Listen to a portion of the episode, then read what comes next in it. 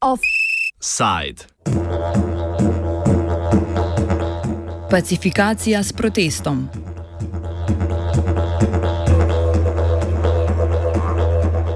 Na ulicah črnogorske prestolnice Podgorica se je po tednu dni ponovno zbralo nekaj tisoč protestnikov z zahtevo po odstopu vlade in oblikovanju prehodne oblasti. Včeraj so blokirali glavno prometnico v Podgorici, napovedali pa so širitev v druga mesta po državi, kjer ima v lokalnih predstavniških telesih večino vladajoča stranka socialistov Črne Gore Mila Đukanoviča. Proteste organizira opozicijska strankarska koalicija Demokratska fronta.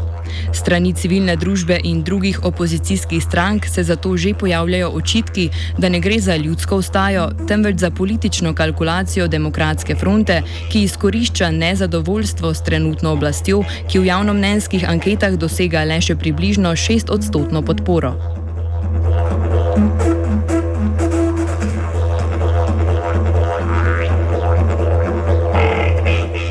Mnenje o aktualnem protestnem vrvežu poda Nedeljko Rudovič, nekdanji urednik redkega protivladnega časnika Vjesti, ki je sicer po številnih napadih na novinarje iz svoje hiše presedlal v politiko in sodeluje pri izven parlamentarni stranki Građanski pokret Ujedinjene reformske akcije URA. Rudanovič pojasni, da se koalicija demokratski oziroma demokratski front ni posvetovala z drugimi opozicijskimi silami in poda mnenje, da je poglaviten cilj vzpostaviti vzpostavitev razmer za prve poštene volitve v Črni Gori.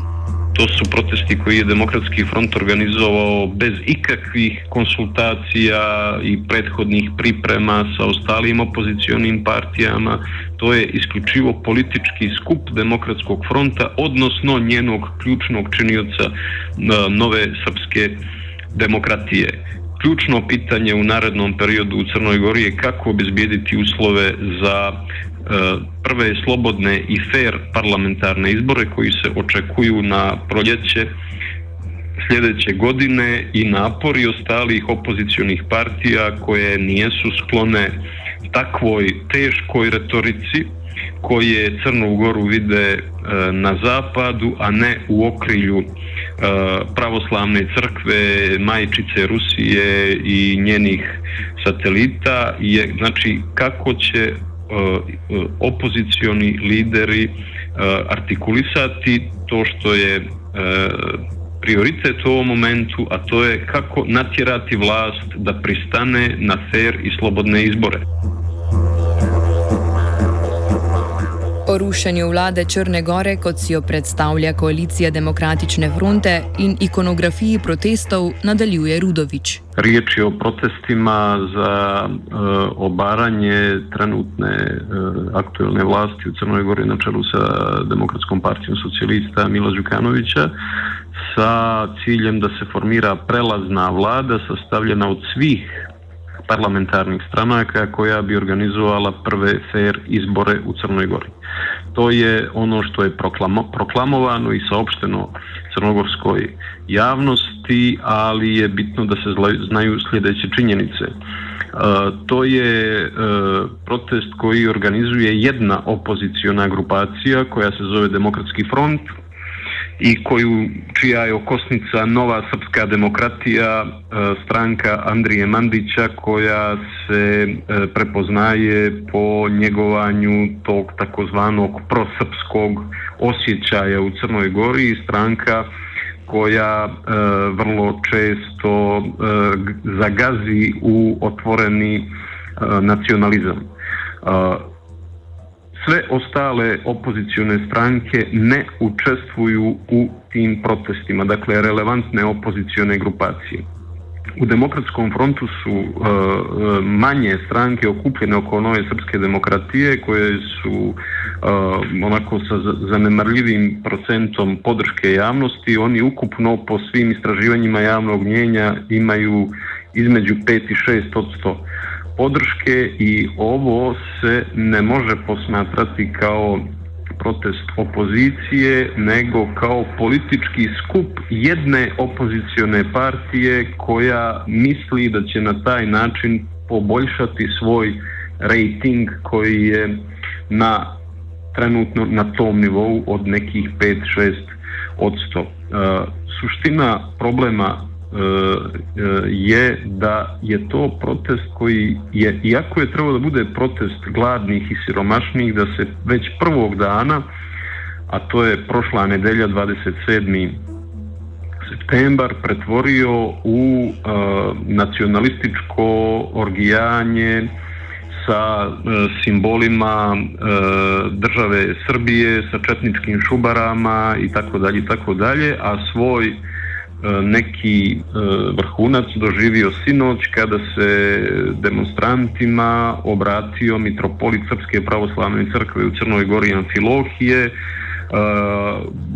imajući jednu otvorenu antizapadnu retoriku koja e, više nije usmjerena samo protiv ulaska Crne Gore u NATO, nego je, nego je sama Europa okarakterisana kao zločinačka tvorevina koja e, nije dobra za srpski narod i tako dalje i tako dalje. E, to je nešto što je recidiv prošlosti, to je politika s početka 90-ih, to je nacionalizam, to je e, izazivanje, izazivanje podjela, to nije način da se e, stvori ambijent za okupljanje progresivnih opozicionih snaga kojima je cilj rušenje ove vlasti zato što je ova vlast dovela građane Crne Gore na prosječki štap.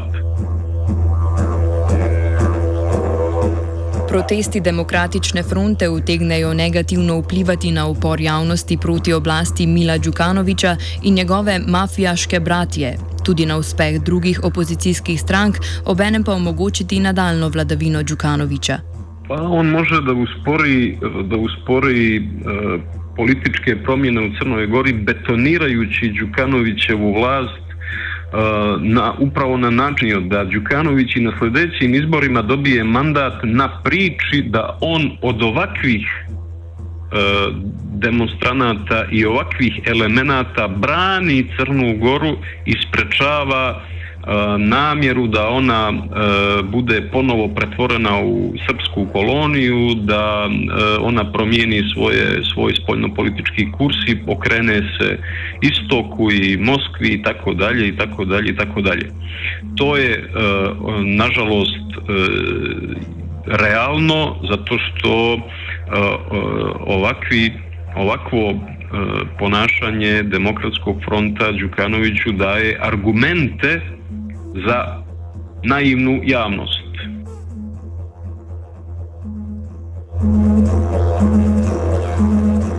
Rudovič meni, da politika demokratske fronte na parlamentarnih volitvah ne more uspeti in lahko doseže največ 15 odstotno podporo.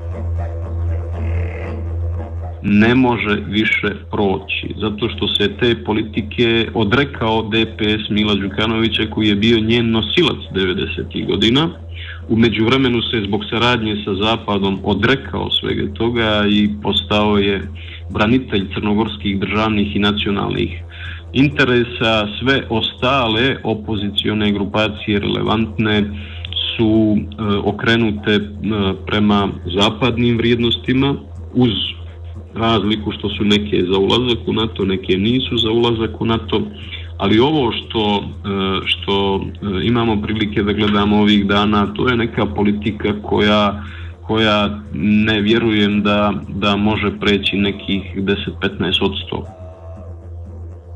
100. Celotna opozicija, vključujoč demokratsko fronto, sicer soglaša, da je prvi cilj vzpostavitev zares poštenih volitev.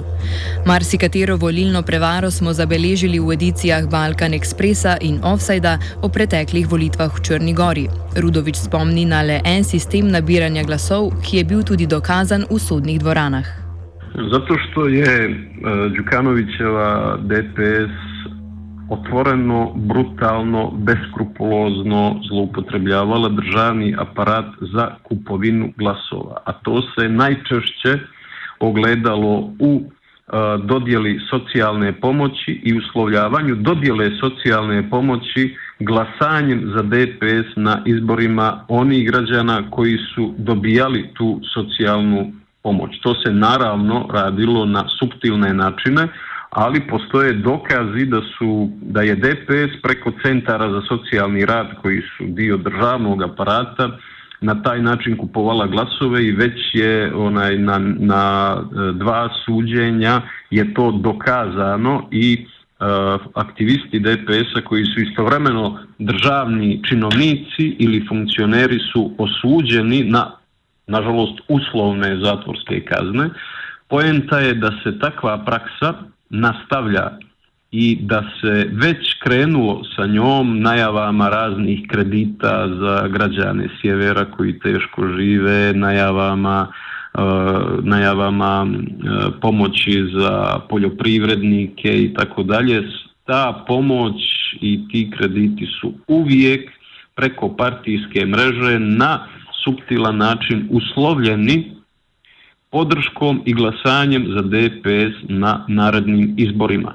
To je, dakle, riječ je o jednom sofisticiranom, dobro uigranom sistemu kupovine ljudskih duša i ucjenjivanja građana Crne Gore njihovom teškom ekonomsko-socijalnom pozicijom, davanja mrvica da bi glasali za demokratsku partiju socijalista. To je sistem koji je razrađen je e, postao javan kada su, kada se, e, su se pojavili snimci sa sjednica Demokratske partije socijalista na kojima se otvoreno govori o tovi o, tom, o tim metodama kupovine ljudskih duša, tu ostala je čuvena izreka, e, čuvena, čuvena poruka jednog od najviših funkcionera Demokratske partije socijalista E, jedan, e, jedno, zaposle, jedno zaposlenje, četiri glasa.